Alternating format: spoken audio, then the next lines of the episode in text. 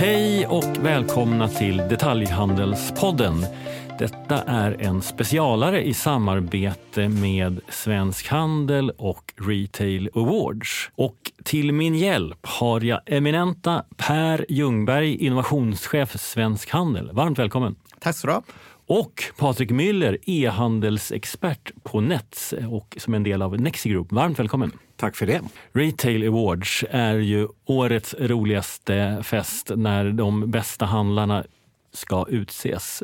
Men Per, berätta mer om både Svensk Handel och Retail Awards och framförallt kategorin Årets köpupplevelse. Mm. Svensk Handel är ju arbetsgivarorganisationen som eh, samlar 9000 medlemmar av svenska detaljhandelsföretag och jobbar med att stärka handelns konkurrenskraft och lyfta fram de innovativa delarna av handeln och vad handeln bidrar till i form av eh, välfärd och allting i Sverige. Eh, och Retail Award är ju den årliga galan där vi hyllar de bästa handelsföretagen under det senaste året med nio olika kategorier. Och det vi ska tala om idag är, tycker jag, den roligaste kategorin, Årets köpupplevelse. Och den är liksom speciell, för i de andra grupperna är det en jurygrupp som bestämmer vem som är vinnaren. Absolut. Här är det ju en jurygrupp som har utsett tre stycken som också allmänheten sen då får rösta på svenskhandel.se eller Retail Award mellan den 3 april till den 21 april om vilken av de här tre som ska vinna. Det här kan man väl säga är eh, handelns motsvarighet till Jerringpriset. Definitivt, för det är ju den kategorin där allmänheten bestämmer. Och det passar ju så bra när det är årets köpupplevelse, för vilka är det som liksom upplever köpet? Det är ju allmänheten. Och Patrik, berätta om Nets och Nexi Group. Nets, eh, som ju är en del av Nexi Group, vi håller på med betalningar både på nätet och Eh, och i butik. Eh, vi, eh, som en del av Nexi Group så finns vi i 25 länder. Vi har ungefär 2,4 miljoner handlare både på nätet och i butik som kunder. Och Tittar man i Europa så är vi när det gäller till exempel kort den största kortinlösaren i, i Europa.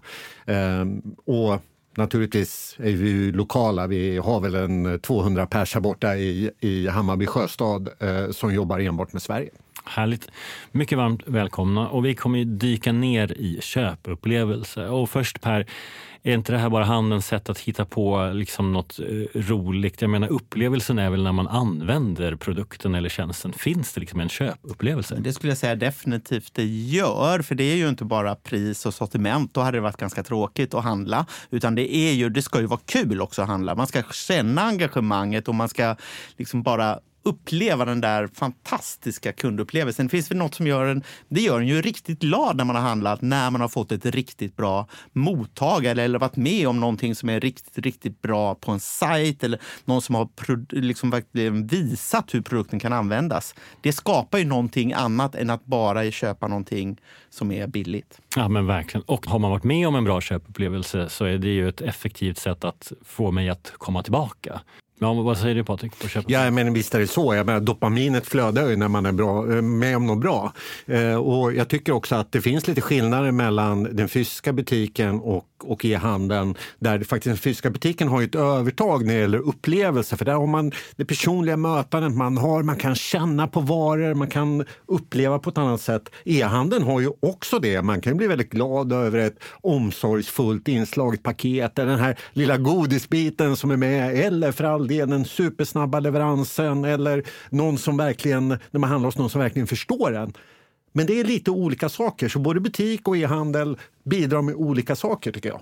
Och där tycker jag vi har sett en skillnad på de senaste åren där köpupplevelsen också har blivit, med hela sociala medier och hela det här med content har det också blivit in, eh, liksom egentligen att man får mer och mer digital upplevelse som en del av köpupplevelsen. Vad tror ni händer nu då? För marknaden viker och vi ser ju hur alla brand människor jagar priser. Eh, ska, ska man släppa tanken om köpupplevelsen och lägga allt krut på att eh, fixa låga priser? Tvärtom skulle jag säga att de som går riktigt, riktigt bra nu, det finns ju en hel del handelsföretag som faktiskt går riktigt, riktigt bra. Och den gemensamma nämnaren kring dem är dels i och för sig att de är lönsamma sedan länge, att de har stenkoll på sitt kassaflöde, men framför allt att de är besatta av sina kunder och att de har ett starkt community och liksom engagerade kunder som medverkar i själva köpprocessen. Det är faktiskt de, både fysiska och digitala butiker som går bra idag utöver pris, lågpris, så är det ju de som gör, är nästan besatta av sina kunder. Patrik, vad, vad ser du nu? Vad, vad händer där ute? Det är vår 2023, tuffa tider. Det här eh, beror ju alldeles på. Eh, det är väldigt brett spann mellan de som har det jobbigt och de som det går väldigt bra för. Och det här kan bero på massor med saker. Ibland är det bara att man är i fel, eh, i fel bransch för fel tillfälle. Ibland beror det på att man eh, kanske inte har hängt med i digitaliseringen och därför hamnar på efterkälken och då hamnar man ju ännu mer på efterkälken eh, när eh, vi får lite extra svårigheter i form av den här ekonomiska påfrestningen som blir nu för konsumenterna. Ehm, och de som ligger bäst till det är ju de som dels har varit med om det här tidigare. Det tror jag säkert att någon av dem som vi pratar med idag har varit och därför kan hantera situationen bättre.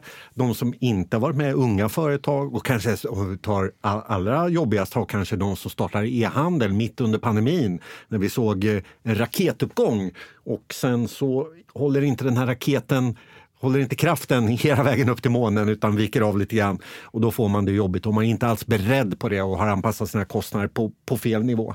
Eh, men många ligger ju väldigt bra till. De har eh, de har volymerna, de har förankringen hos sina kunder eh, och har också kanske möjligheten då att öka lojaliteten lite med, mera än att skaffa nya kunder. Eh, se till att eh, de kunder man redan har handlar mer, att man bygger vidare på den relationen. Det tror jag många kommer göra. Ni är ju del i juryn då, som har tagit fram eh, de här finalisterna. Berätta om eh, juryarbetet. Fanns det många kandidater att välja på?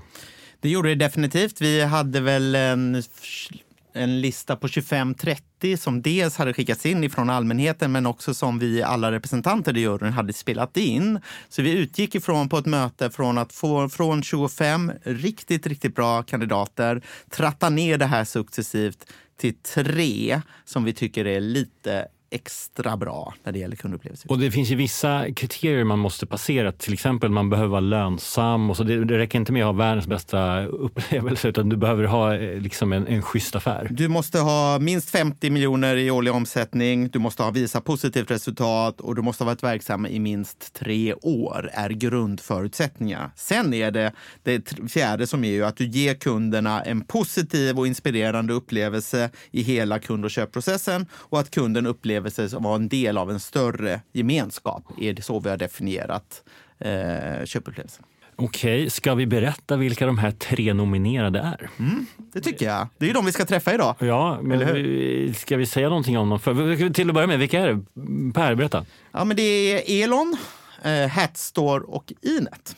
Och det, det jag tycker är kul med vad vi har lyckats få fram är att det är tre ganska olika eh, bolag. Vi har liksom Hatstore som bara säljer online.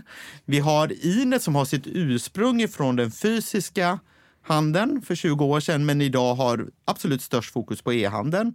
Och vi har Elon som ju är i grunden en fysisk kedja men som har gjort ett ganska stort omtag för att låta e-handeln stödja hela eh, köpprocessen, men där fokus är på den fysiska butiken. Okej, nu kommer vi släppa på dem i tur och ordning och intervjua dem utifrån eh, köpupplevelse. Och tanken är ju att man kan gå in och rösta på vem man tycker är mest värdig vinnare av årets köpupplevelse. Och det gör man genom att Gå in på eh, svenskhandel.se retailaward eller på retailaward.se Eh, och där mellan den 3 april och 21 april kan du rösta på vem du tycker ska vinna. Och så ska man väl lägga till om att, att vinnaren sen presenteras på den stora galakvällen som är den 8 maj, dit man också kan gå in på vår sajt och anmäla sig om man vill vara med. Det låter som ett jätteroligt event. Det vill man ju vara med på. Mm, definitivt. Härligt. Nej men eh, Patrik Per, då drar vi igång, eller hur? Det tycker jag. Och, och, det fina är att vi har lyckats samla alla de här tre fantastiska finalisterna i samma podd. Och nyckeln för att göra det är att våra gäster är med på distans, så ha överseende med om det kan låta lite svajigt här och där. Nu över till våra finalister. Okej, låt oss nu välkomna gästerna och vi börjar med Hatstore. Patrik Karlsson som är CCO på Hatstore. Varmt välkommen hit. Tack så mycket. Tack så mycket. Innan eh, vi sätter igång och diskuterar köpupplevelser kan du väl berätta vad är Hatstore? Hatstore, vi är en e-handel som säljer kepsar, mössor och hattar eh, endast online eh, över hela världen. Eh, från lager i Kalmar egentligen. Eh, har även produktion på plats här. Eh, så vi gör en hel del egna kepsar också. Har vårförsäljningen kommit igång? Ja, det börjar dra igång. Vi drog faktiskt igång vår vårrea idag. Eh, men generellt sett så brukar vi säga runt påsk. Det är då det verkligen kickar in. Liksom.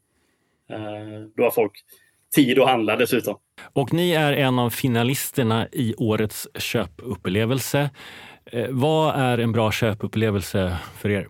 En bra köpupplevelse för, för mig personligen så, så tycker jag det är en köpupplevelse med, med få klick, tydlig information både innan och efter köpet. Eh, samt bra och lättillgänglig kundservice. Om man ska summera det väldigt kort. Det, det är vad jag, vad jag föredrar.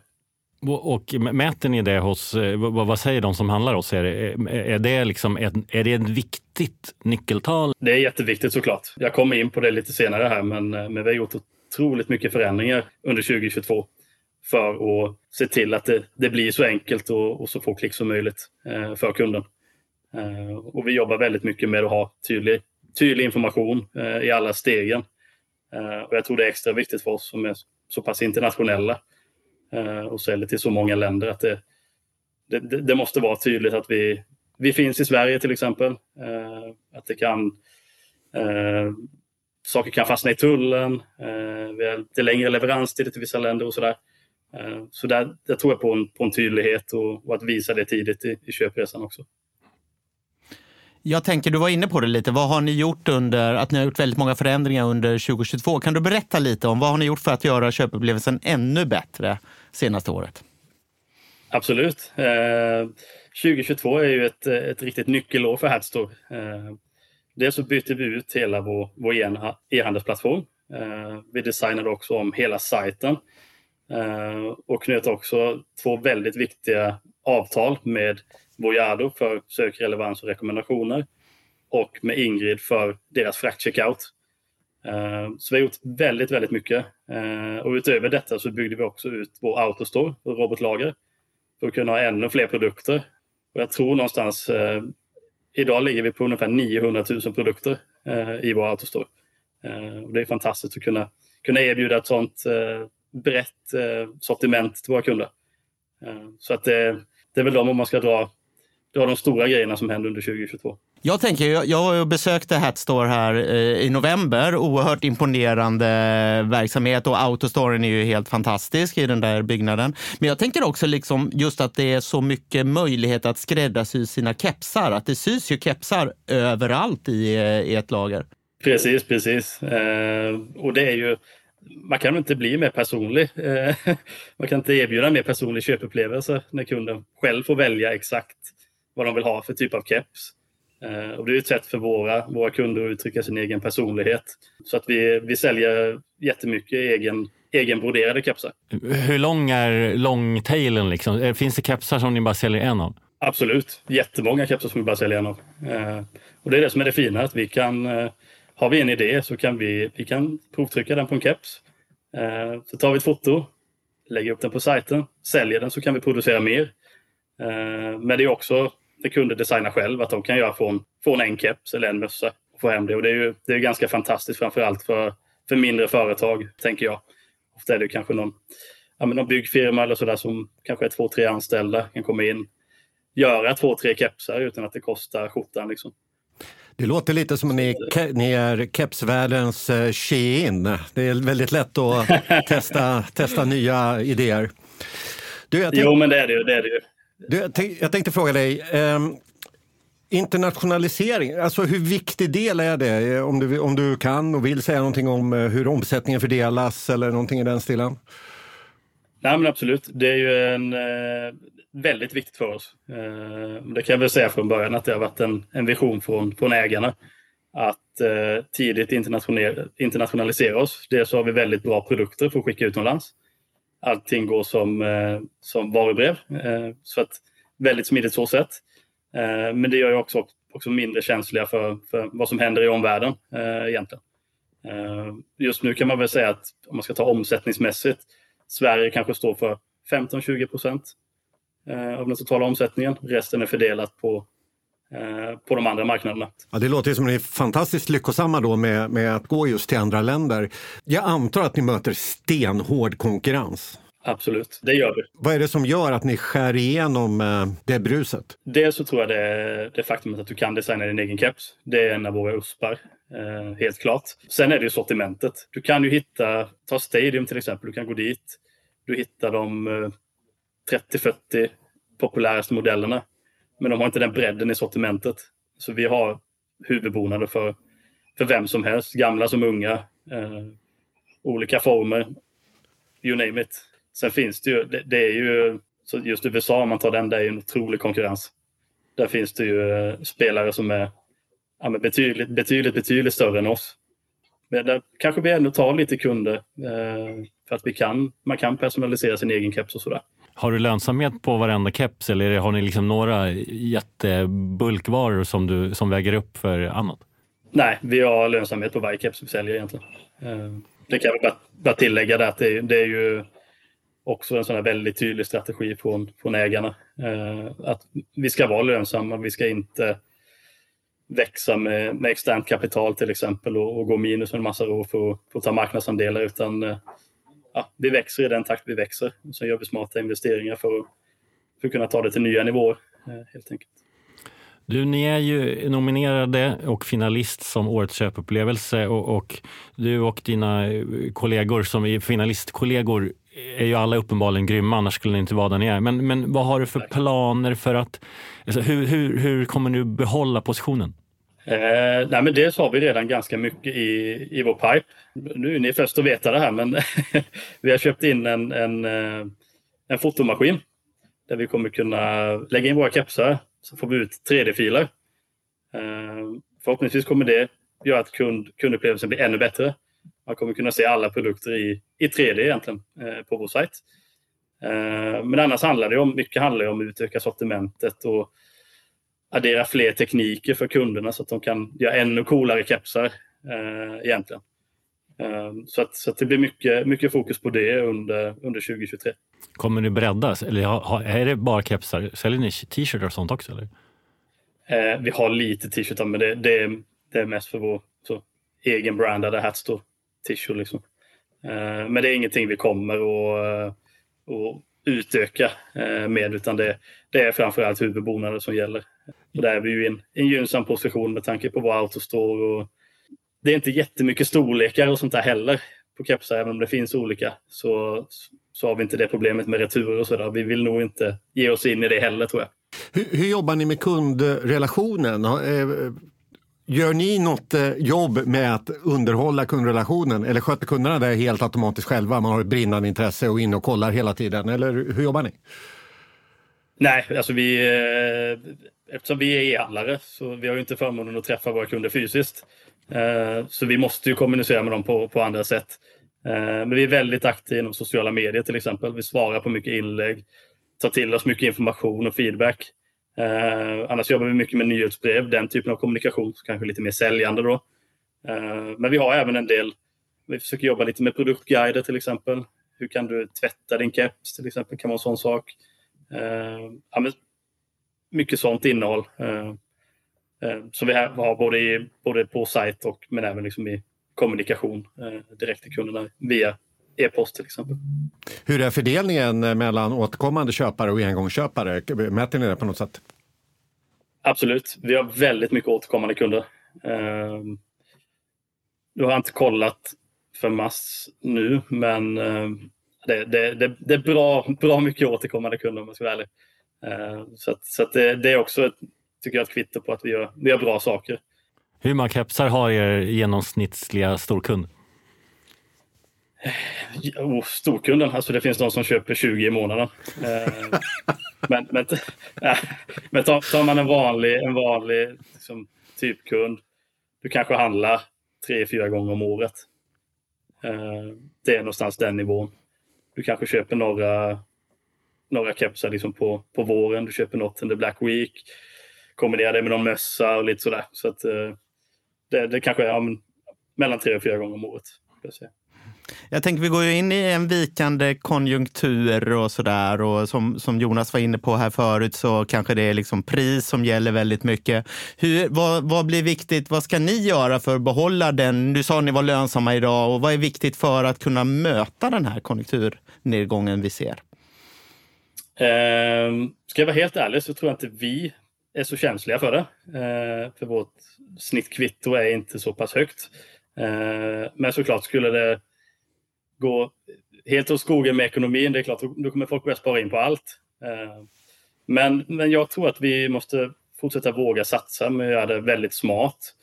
Eh, till exempel, vi lanserar i fler länder. Ehm, just för att inte bli lika känsliga när ekonomin svänger. Ehm, jag tror faktiskt det kan bli lite som när pandemin startade. Att många, många företag drog ner på sin marknadsföring.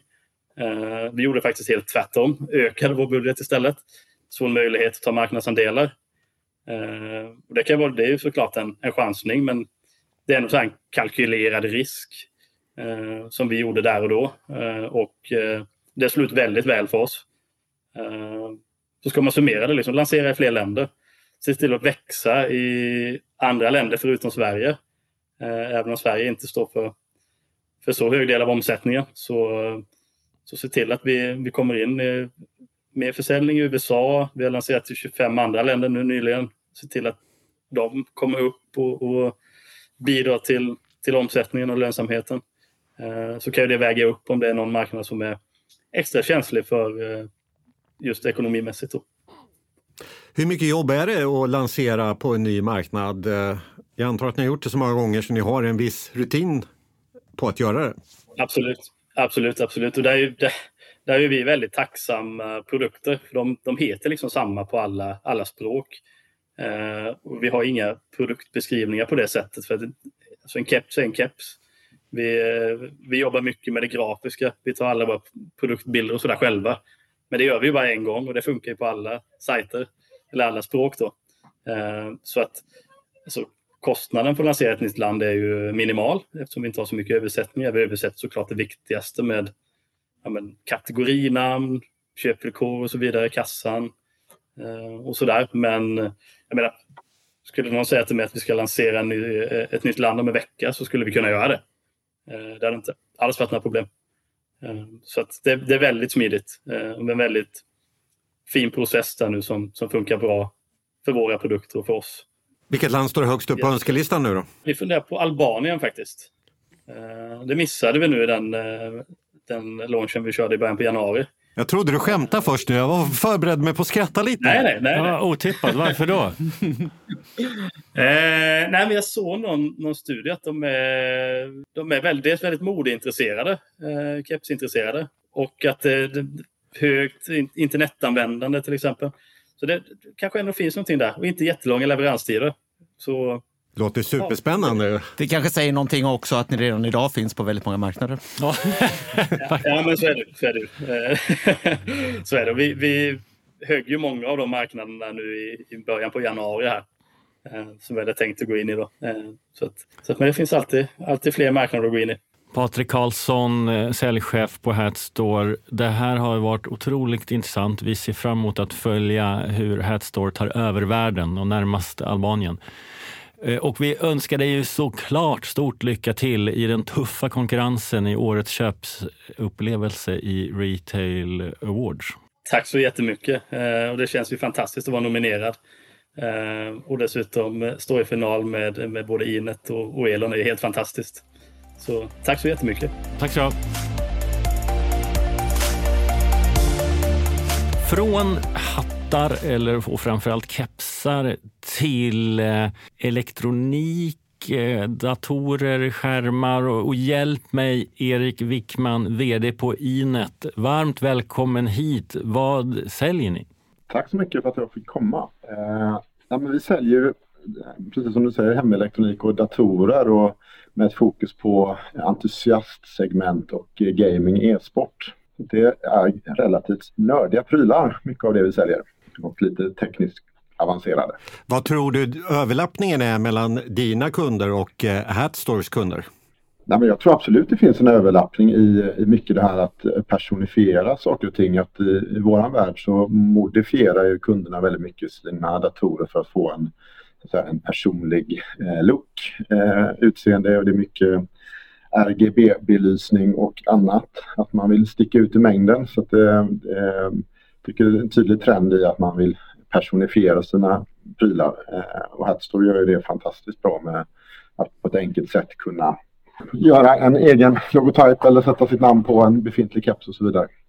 Erik, eh, du, ni är ju enorm e-handlare, men visst är det så att ni också har några butiker? Ja, men det stämmer. Vi kommer ju till och med från en butiksverksamhet från början. Eh, vi har ju hållit på sedan år 2000 eh, och har idag fyra butiker kvar kan man säga. Vi hade sex när det var som flest butiker. Intressant. Vi börjar med att ta samma fråga som, som Patrik fick på Hatstore. Alltså vad är en bra köpupplevelse för er på Inet? Eh, ja, men det är ganska mycket kopplat till våra, våra kärnvärden. Att eh, vi, vi är kunniga innan köpet, det vill säga vi jobbar eh, väldigt fokuserat på råd, med rådgivning, att kunna guida kunden till rätt val av produkt.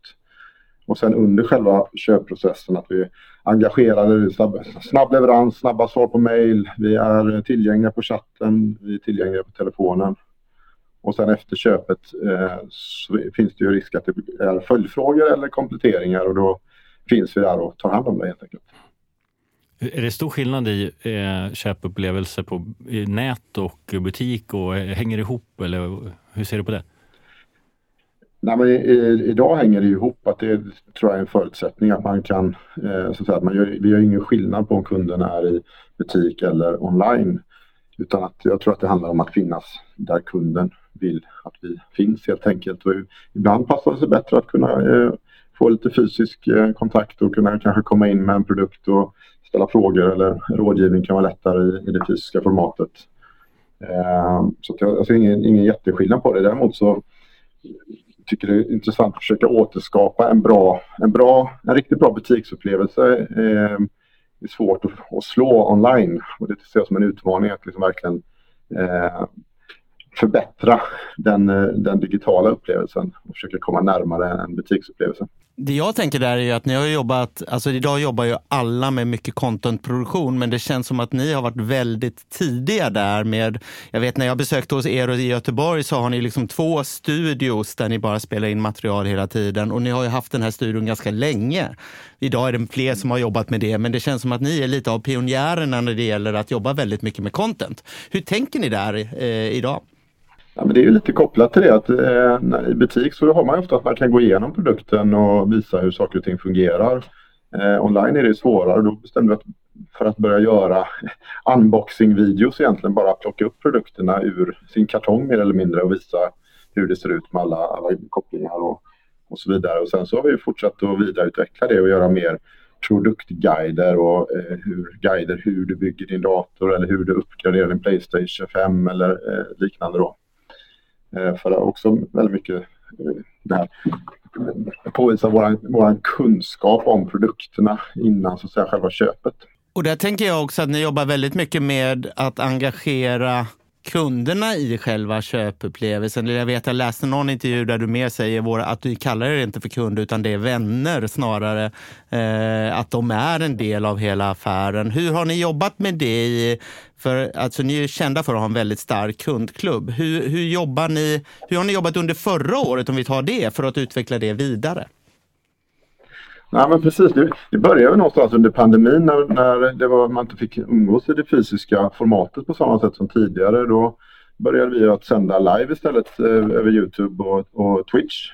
Eh, och, och, där samlar vi våra, så att säga, våra vänner och våra så att säga, absolut största ambassadörer. Då får vi en kommunikationsplattform där vi kan umgås och prata med våra kunder på eh, ett mycket mer avslappnat sätt än, än eh, övriga kanaler. Så att säga. Eh, och, och sen vill vi målet är ju någonstans att få kunderna också att kunna integrera med varandra. Att vi kan få eh, våra ambassadörer att hjälpa andra kunder och så vidare och kopplat till lite gamification och så vidare. Att då kan man få, få någon form av eh, reward om man hjälper andra kunder, om man recenserar produkter och är, är med och hjälper oss att hjälpa, an, hjälpa andra kunder helt enkelt.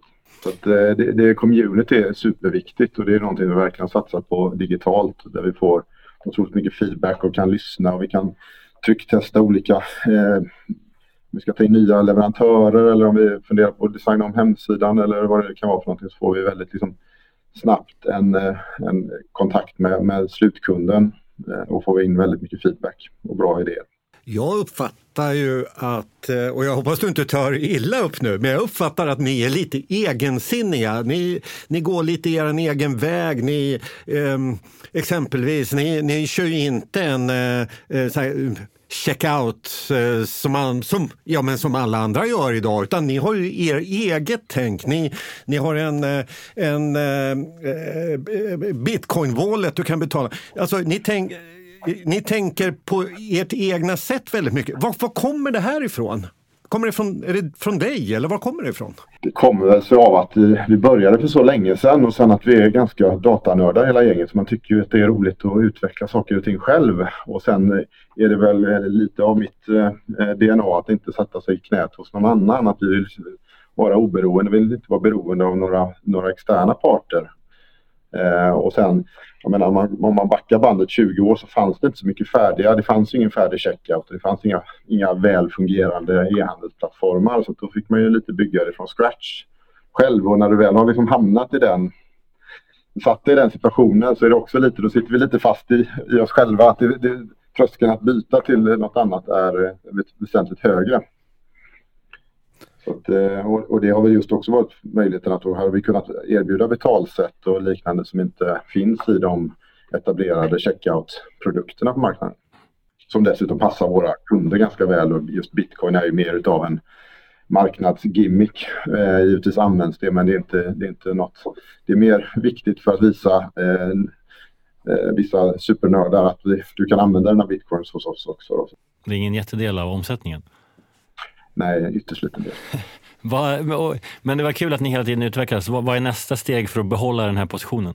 Jag tror att det, det är hela tiden en, en, en kapplöpning vad, vad man kan göra bättre. Och, eh, vi, framåt kommer vi fokusera väldigt mycket på den eh, alltså e-handelsupplevelsen eh, i form av UX-interface på hemsidan där vi är ganska alltså old school och lite nördigare, eh, eller väldigt nördiga och det är ganska plottrigt och så vidare där vi kommer göra ett ett större arbete med att eh, modernisera eh, den digitala upplevelsen. Eh, det är det som ligger närmast i pipeline. Och sen fortsätta bygga vidare på communityt och verkligen komma nära hjärtat till våra, våra vänner eller våra kunder.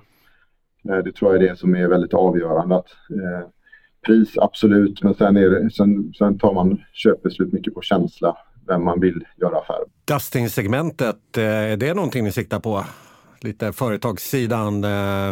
eh. Ja, men det gör vi faktiskt sedan ett par år tillbaka. Eh, men vi siktar ju lite på de företag som kanske Dustin inte är så eh, intresserade av. Vi går inte på några stora upphandlingar och liknande utan däremot de här eh, entusiastföretagen, alla spelutvecklingsstudios och så vidare och forskningsbolag och teknikkonsulter och vad det kan vara. De jobbar vi gärna med och hjälper dem att skräddarsy ganska avancerade arbetsstationer till personalen. Och det kommer ju ganska mycket av att de som jobbar på en, låt säga en spelstudio, de är ju kunder hos oss privat i eh, ganska stor utsträckning. Och då har vi, har vi lite hjälp att komma in även på företaget, att de vill att ha en, en skräddarsydd dator även på arbetet så att säga.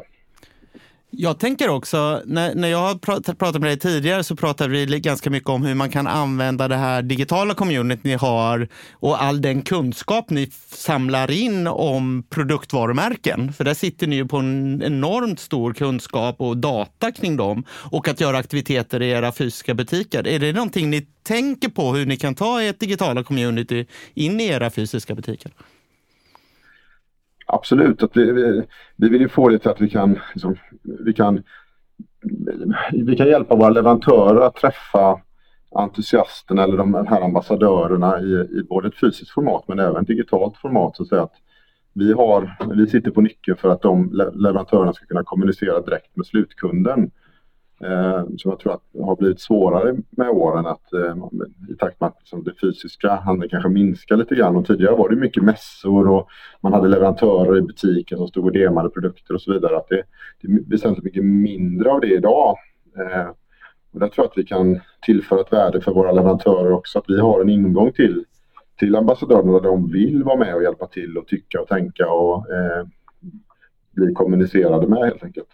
Om vi, ser, om jag, eh, vi, vi ser en liten tuffare konjunktur. Hemelektronik har ju, om man tittar på e-handel i vår e-handelsindikator så är ju det ett område som det har börjat ganska tufft för.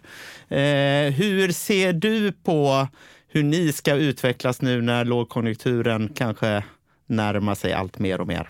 Jag tror att det viktiga blir att man fokuserar på kundupplevelsen och inte behöver köpa nya kunder hela tiden för det är dyrt. Eh, utan att har vi, vi har en ganska hög andel återkommande kunder och kunder som kommer till oss på rekommendation. Så vi har hela tiden vuxit med den sakta men säkert med en organisk så att säga, kundtillströmning där vi inte har investerat eh, speciellt mycket i, att, ny, i nykundsanskaffning helt enkelt. Vilket gör att vi har ju också lite möjlighet, samma som Hatstore, att vi ser ju att nu, nu kanske det blir lite billigare igen att, eh, att eh, marknadsföra sig och att vi kan så att säga, ta lite marknadsandelar för vi har fortfarande en lönsam affär i botten. Och plötsligt så värderas också lönsamhet lite högre i alla, alla kanaler. Nu pratar man mer lönsamhet och inte tillväxt. För två år sedan så var det bara tillväxt eh, som gällde. Eh, det är väl lite ja, det, det, vi har hållit på i över 20 år så att vi har ju sett en och annan upp och nedgång så att jag är inte så bekymrad utan snarare ser vi affärsmöjligheter när det blir lite tuffare klimat. Jag eh, tyckte mig se att ni, att ni ökar era marginaler, i alla fall de sista tre åren. Eh, ett, stämmer det? Och hur klarar man av det i ett sånt här tufft eh, klimat där liksom det är så mycket fokus på pris och lätt att jämföra och så?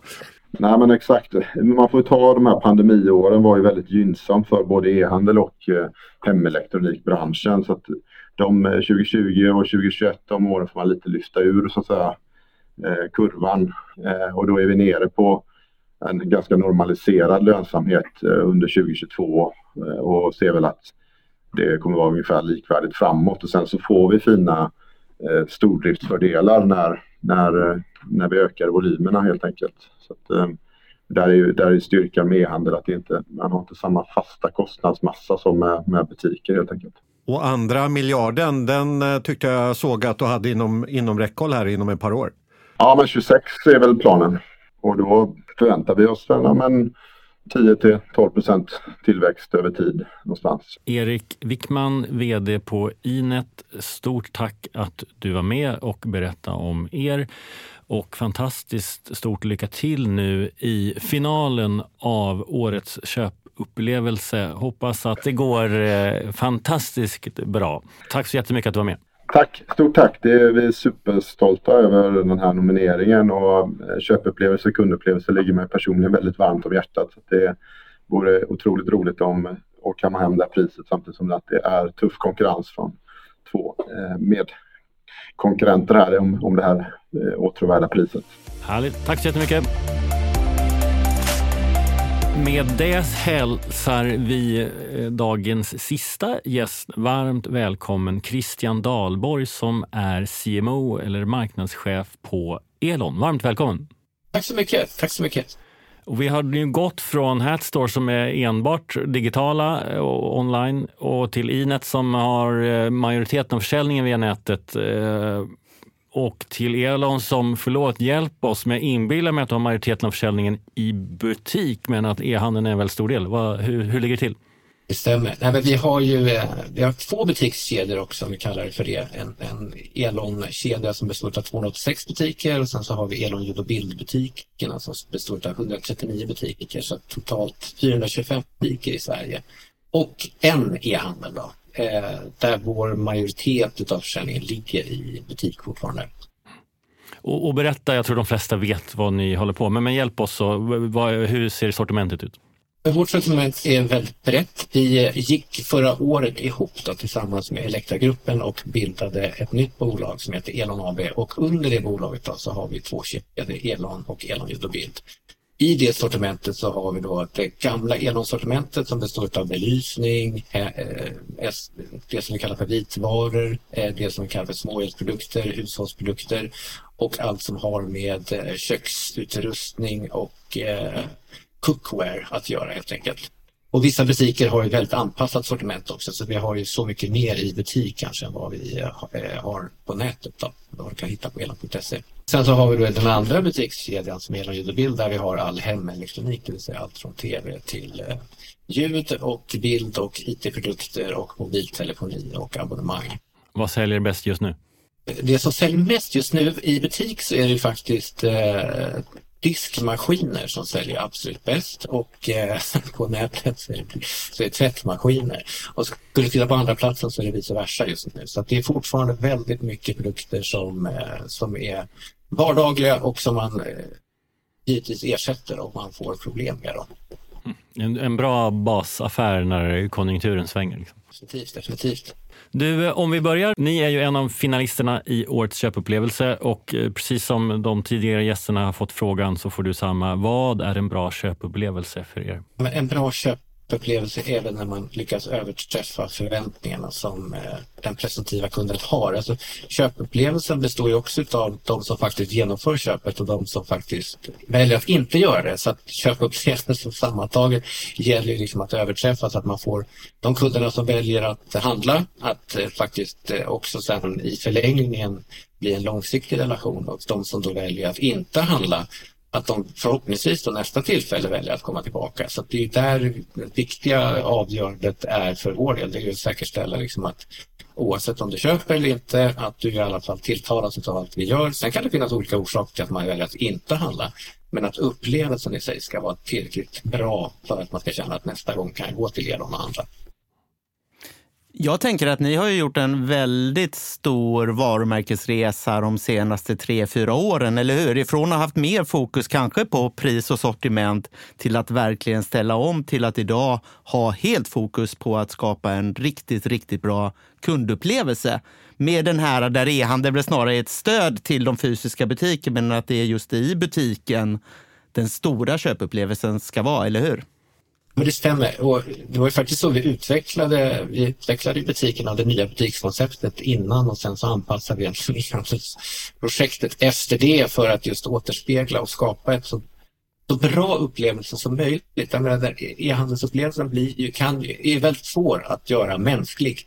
Medan alltså i butik så har vi ju liksom våra medarbetare som gör jobbet och möter kunden och är ju de som är absolut bäst på att känna av vilket behov och eh, framförallt då alla kunders känslor när man kommer in i butik. Eh, det har vi ju svårt för, eller vem som helst har svårt för det på e-handeln. Så att, eh, där är det ju liksom känslan som är viktig. Så då gäller det att återskapa det med hur vi sätter upp allting och hur, vi, hur, vi egentligen, hur man låter kunden navigera i e-handeln etc.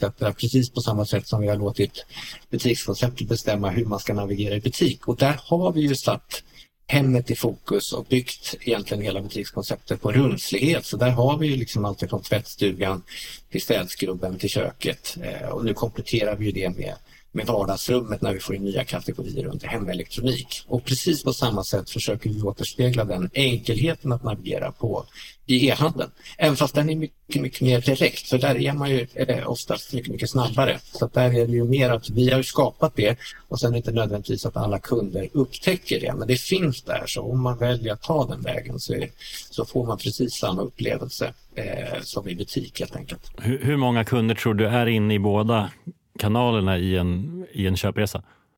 Men tittar man på, på både och så är nästan 40 procent som är inne på båda. Eh, väldigt många använder ju genom.se som en informationskanal så att säga. Alltså att vi har ju en väldigt stor andel som är ändå inne på elon.se men sen kanske inte går till butik. Men 40 procent av alla våra kunder under ett genomsnittligt år eh, har varit inne på elon.se och butik. Eh, och dock, det är bara 10 procent egentligen som väljer att handla på nätet än så länge.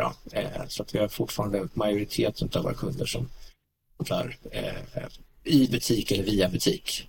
Väldigt många, eh, vi har byggt nätbutiken också på så sätt att vi vill ju att folk ska ta sig till butik. Så att reservera i butik är ju liksom egentligen förstahandsvalet för att säkerställa då att man egentligen hämtar ut produkten i butik som förstahandsval. Jag var inne och tittade lite grann i ert bokslut och det som slog mig då faktiskt var att E-handeln nämns inte alls eh, om jag kunde eh, läsa rätt.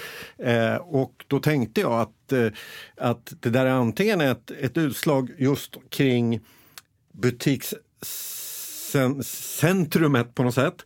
Men jag tänkte också kanske att det har någonting att göra med var ni kommer ifrån och att kanske e-handeln har åtminstone varit kontroversiell. Kan det vara så? Det är en jätte, jättebra fråga. Eh, om man tittar på hur det har varit historiskt så är det klart att eh, det går att hitta olika modeller på hur, eh, hur man redovisar saker och ting. Men eftersom vi ser ju liksom egentligen e-handeln som en del utav eh, vårt erbjudande totalt sett så ser vi inte nödvändigheten att bryta ut det. Men, men självklart, vi har ju en historia som frivillig fackhandelskedja där butiken är det viktigaste och där våra ägare är butiksägare. Och allt vi gör handlar ju om att främja handel eh, via butik såklart. Så att, att bygga en, en e-handelslösning eh, ska ju ses som ett komplement eh, till butik och inte vara en ersättare för butik. Så det är det, kontroversiellt eller inte, men, men det är ju därför vi har byggt upp e-handel på det sättet som vi har gjort, just för att vara ett komplement till butik och där framförallt då våra kunder ska kunna hitta det man letar efter, men att man förhoppningsvis tycker att det kan vara närmare och lättare att ta sig till butik för att titta och känna och klämma på, på produkterna. Och sen framförallt då kanske eh, när det gäller en väldigt stor del av det vi säljer är ju fortsatt tjänster och de köper man bäst i butik utav den enskilda butiken. Jag anmälde mig tidigare idag till er eh, lojalitetsprogram, er, er klubb. Eh, och eh, det såg ut som att eh, det var ett ganska omfattande program jag skulle utsättas för här de kommande månaderna. Eh, har, det varit, eh, har det varit en succé? Är det viktigt för er med, med klubben? Kundklubben är ju viktig på så sätt att det, det är vårt sätt att kunna bibehålla en relation under en längre tid. Vi har ju väldigt många produkter som man köper med väldigt långa tidsintervaller. Det vill säga att när du köper en tvättmaskin så är det inte så stor sannolikhet att du kommer in och köper en ny tvättmaskin eh, inom, in, inom något, något, år eller två. Utan vad vi använder kundklubben till är att säkerställa att vi behåller relationen och sen också framförallt att bygger intresse för vårt erbjudande på andra kategorier till de här kunderna över tid. Och dessutom självklart att trigga det med att kunna erbjuda specifika erbjudande bara till kundklubbsmedlemmar och sen också ge och möjligheter till specifika upplevelser som vi bara vill att just kundklubbsmedlemmarna ska få ta del av. Sen ser vi ju självklart, precis som alla, alla andra kundklubbar, att de kunderna som faktiskt väljer att vara eh, med i kundklubben oftast blir mer engagerade och givetvis har ett högre snittköp och högre snittordervärde eh, än de som inte är det när vi tittar på specifika köpmönster. Om man ser under det senaste året, för nu har vi talat här om den långa, eller långa, de senaste tre, fyra åren att det har gjort väldigt mycket. Om man nu ser 2022, vad var de viktigaste bitarna ni gjorde då för att förbättra kundupplevelsen? Ja, vi har, vi har, som, som, jag nämnde tidigare så var en stor del har ju varit att eh, vi har gått ihop och vi egentligen då ska försöka då få ihop två kedjor att kunderna ska uppleva att man, har, att man får samma upplevelse oavsett om man går till en ljud och bildbutik eller till en elobutik. Så rätt mycket där har handlat om att vi med all information etc. Eh, att man ska faktiskt kunna hitta samma sak och det kan kännas som att det är en en självklarhet, men det är ju inte det utan där är det ju framför allt när man då söker information om produkter, eh, när du ska köpa någonting, att man faktiskt ska hitta det på samma sätt. Och där har vi använt Elon.se för att bygga upp allt innehåll egentligen då, kring det under någonting som vi kallar för Elon Hem och Kök, eh, där vi samlar allt innehåll som vi skapar för att underlätta just för kunderna i deras köpresa när det gäller just informationsbiten. Alltifrån att försöka då förklara eh, hur olika saker och ting fungerar, det vill säga väldigt mycket produktinformation eh, och sen också guider till hur man faktiskt ska tänka när man ska köpa olika produkter. Det är ju någonting som vi har fått sätta, eh, har lagt enormt fokus på under 2022 i och med att vi då har helt plötsligt fått in ytterligare eh, kategorier tack vare att vi slogs ihop med en bild. Eh, och de kategorierna hade vi liksom ingen egentligen djuplodande information på. Så de har vi fått bygga upp egentligen från grunden under hela 2022. Så där har vi lagt enormt mycket arbete på att komplettera eh, den informationen. Jag tänker också att en, en bidragande orsak till att vi har nominerat er är ju att alla vi talat med säger att kundupplevelsen i butik är så fantastisk. Och jag tänker då att ni har, vad hade ni, 400? 25 butiker. Ja. Just det. Med så många butiker med så mycket personal, hur jobbar man för att, att som alla de här ska kunna ge den här känslan av att man går in nästan i en lokal kvarterskrog? Ge alla, oavsett vilken Elon-butik du besöker. Men det, det är ju en jätteutmaning att, att kunna ge samma upplevelse. Här handlar det väldigt mycket om hur vi egentligen som kedja väljer att eh, kommunicera med handlarna så att de förstår vad de ska kommunicera i sin tur det är väl det absolut det svåraste för på inget sätt är det möjligt för oss att åka runt och, och eh, besöka varenda butik eh, särskilt frekvent. 425 butiker det blir väldigt svårt utan där handlar det väldigt mycket om att de här drivkrafterna som varje butik och butiksägare har, där är det väl liksom grund-DNA som är det som egentligen håller ihop det. Och där drivs ju kedjan i, i mångt och mycket av de entreprenörerna, de ägarna vi har och de är ju de som möter kunderna och framförallt deras medarbetare. Så det bygger väldigt mycket på eh, att vi talar samma språk och att vi liksom trycker på de här kärnvärdena som Elon alltid har haft, vilket är grundat väldigt mycket i kunskap och trygghet och den här omhändertagande positionen som vi faktiskt har och har haft både historiskt, både innan vi gjorde om konceptet och nu när vi har uppdaterat konceptet så är det de tre sakerna som vi faktiskt har förmedlat vidare och framförallt fått butikerna att känna eh, enormt stolthet kring. Och jag tror att det är därför vi också får just det där eh, positiva gensvaret. Det är ju liksom att vi hela tiden strävar efter att överträffa kundens upplevelse. Och när vi gör det, då, det, det gillar man ju att prata om. Så, så kunderna pratar ju om saker som man, som man gillar och framförallt där man oftast har blivit, eh, där man har fått lite bättre eh, bemötande kanske än vad man hade förväntat sig. Så det är där, det är där vi, vi har lagt, eh, och våra framförallt medarbetare och butiker har lagt mycket tid och kraft på att ta hand om kunderna. Och det är just den här kombinationen. Vi säljer produkter, ja, och vi säljer tjänster. Och jag tror att framförallt den här tjänstesidan, där är vi jätteduktiga på att just överleverera. Så man har generellt sett tror jag ganska låga förväntningar på just den biten. Jag eh, blir väldigt glad när man ser er resa. alla som är lite intresserade av eh, både fysisk handel och e-handel eh, har nog noterat den. Och, och det är roligt att se. Och jag förväntar mig också att det kommer ännu mera grejer här framöver. Men en sak som jag är lite nyfiken på, det är liksom när ni nu går ifrån er liksom kärnverksamhet kring produkter till en annan kategori, eh, ljud, eh, hemelektroniksidan. Eh, och då också delvis blir konkurrenter med, med Inet, åtminstone delvis. Eh, vad, vad ligger bakom det steget? Eh, räknar ni med effektivitet långt bak i processen? Jag tänker lager eller räknar ni med att ni, att ni ska korsbefrukta mellan de här två cellkanalerna? Eller hur tänker ni? De facto är, eftersom vi gick ihop med Elektragruppen eh, förra året och numera då heter Elon och har då de här två kedjorna, eh, Elon och Elon Ljud Bild, så är ju självklart vår strategi att vi ska växa båda två. Eh, och vi ser ju också att behovet av att växa givetvis handlar det kanske också om att kombinera kraften i båda erbjudanden, det vill säga båda utbuden. Så vi har vårt traditionella utbud på ena sidan och sen så har vi den nya hemelektroniksidan med tv, ljud, eh, datorer, IT-produkter, mobiler, abonnemang etc. Så det är klart att vi ser en vi ser ju en, en långsiktighet i att kunna erbjuda konsumenterna, alltså kunderna, eh, fler kategorier på fler platser. Eh, oavsett om det är en fysisk butik eller om det är e-handeln. Eh, på e-handeln är det lättare för oss att slå ihop alla de här kategorierna. I butik så har vi fysiska begränsningar, det vill säga att en butik har en butiksyta. Vi kan inte sälja alla, alla, alla kategorier i alla butiker, men vi kan sälja fler kategorier i fler butiker såklart där vi ser att det finns ett behov. Så att vi, vad vi vill göra är såklart att bara säkerställa att vi på flera lokala marknader eh, ser till att vi faktiskt tar hand om kundernas behov på ett bättre sätt istället för att de ska behöva åka till en konkurrent och sälja samma sak.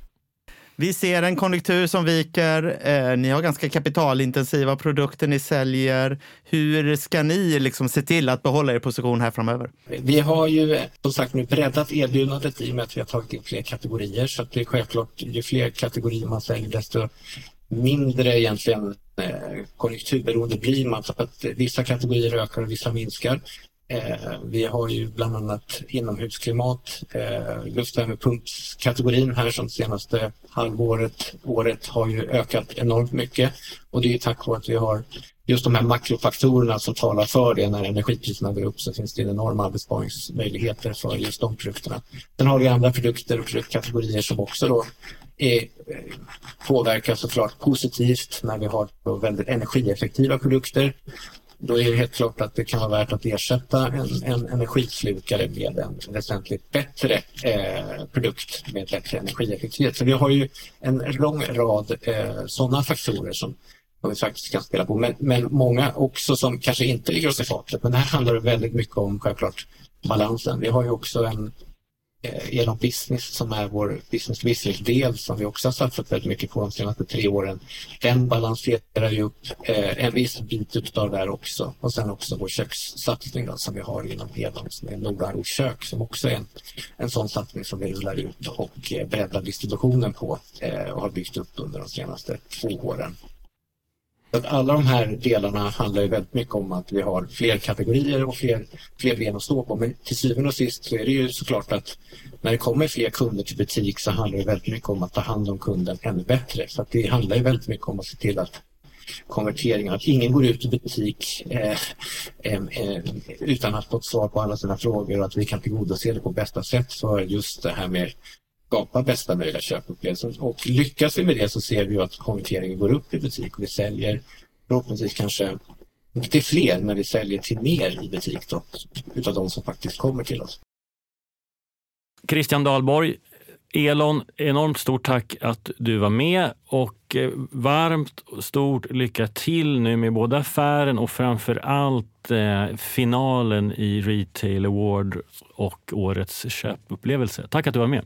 Stort tack för att jag fick vara med och eh, det var ett nöje att få samtala här under den här korta perioden. Tack så mycket. Hej! Jaha, hörni ni, det här var ju, eh, det blev ju inte lättare att välja vem som ska vinna nu. Alltså, det är skönt att det inte är vi som väljer. Vad, vad, har ni några, vad har ni för intryck av gänget? Ja, men det är fantastiskt eh, vilka, vilka företag det här är och hur underbart att se hur olika man kan vara men ändå hitta sitt, eh, inte bara existensberättigande, utan hitta sin framgång. Eh, jag är väldigt imponerad av Inets, eh, deras lite speciella typ av, av företag där de gör på lite eget sätt. Ehm, å andra sidan så har vi ju företag som Hatstore som gör också en egen grej med nästan, även om de har många olika produkter, så en typ av vara, nästan och bara fokusera på det och så bort till, till Elon som nu också bara har köpt in en, en, en ytterligare en kedja.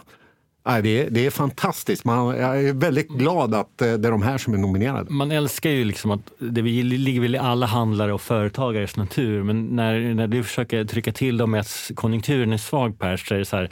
Nej, men vi säljer ju kepsar i en kategori som det kommer fortsätta. Det är inget stort köp. Väljer jag bort resan så klart jag ska ha en keps. Inet kör det här. Ja, men vadå? Vi nördar. De kommer älska det här. Elon. Ja, men vi har tvättmaskiner. Vi har alltid ett brett sortiment, det finns alltid något att sälja. Man älskar ju det. Ja, och jag tycker någon gemensam nämnare kring alla de här är liksom passion. Det, är liksom, det här är liksom tre företag som liksom brinner för sina produkter och det tror jag är liksom egentligen det som ju är nyckeln till framgång för alla företag. Att man har passionerade medarbetare också som brinner för att göra en riktigt bra köpupplevelse. Ja, och det känns som en väldigt nyttig kategori att bli påmind om i, för alla som lyssnar för att det är väldigt mycket fokus på pris nu. Oavsett vilken bransch man är i så är det liksom priskommunikation så det sjunger om det. Man kommer inte ifrån att när vi människor väl är i butik så så tror inte jag allting avgörs av vad det står på prislappen. Och det pratar vi inte så mycket om idag men det är ju liksom en hygienfaktor kan man väl säga i, i, i alla köp att priset måste det måste inte vara lägst, men det måste ligga rätt mm. beroende på vad man får. Och det här tycker jag alla tre har hittat ett sätt att se till att priset inte behöver vara lägst, för man får mer. Det som händer nu är att alla bara går in och röstar på den ni tycker är bäst och mest välförtjänt av årets köpupplevelse. Och hur gör man det?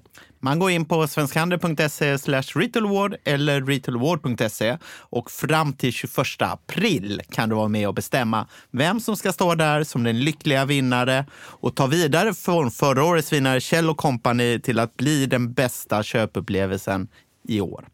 Och om man vill komma på festen 8 maj, vad gör man då? Då går man in på samma adress och anmäler sig helt enkelt och köper en biljett.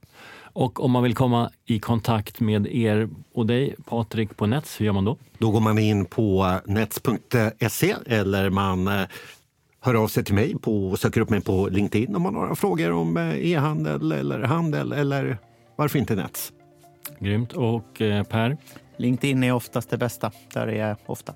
Men då tackar vi Svensk Handel så jättemycket för att eh, eh, vi fick göra det här avsnittet och tack så mycket Nets. Eh, ut och rösta. Eh, och eh, tack Per Ljungberg, innovationschef på Svensk Handel, Patrik Müller, e-handelsexpert på Nets, att ni gästade Detaljhandelspodden. Tack så mycket. Tack. Tack. Vi hörs snart igen.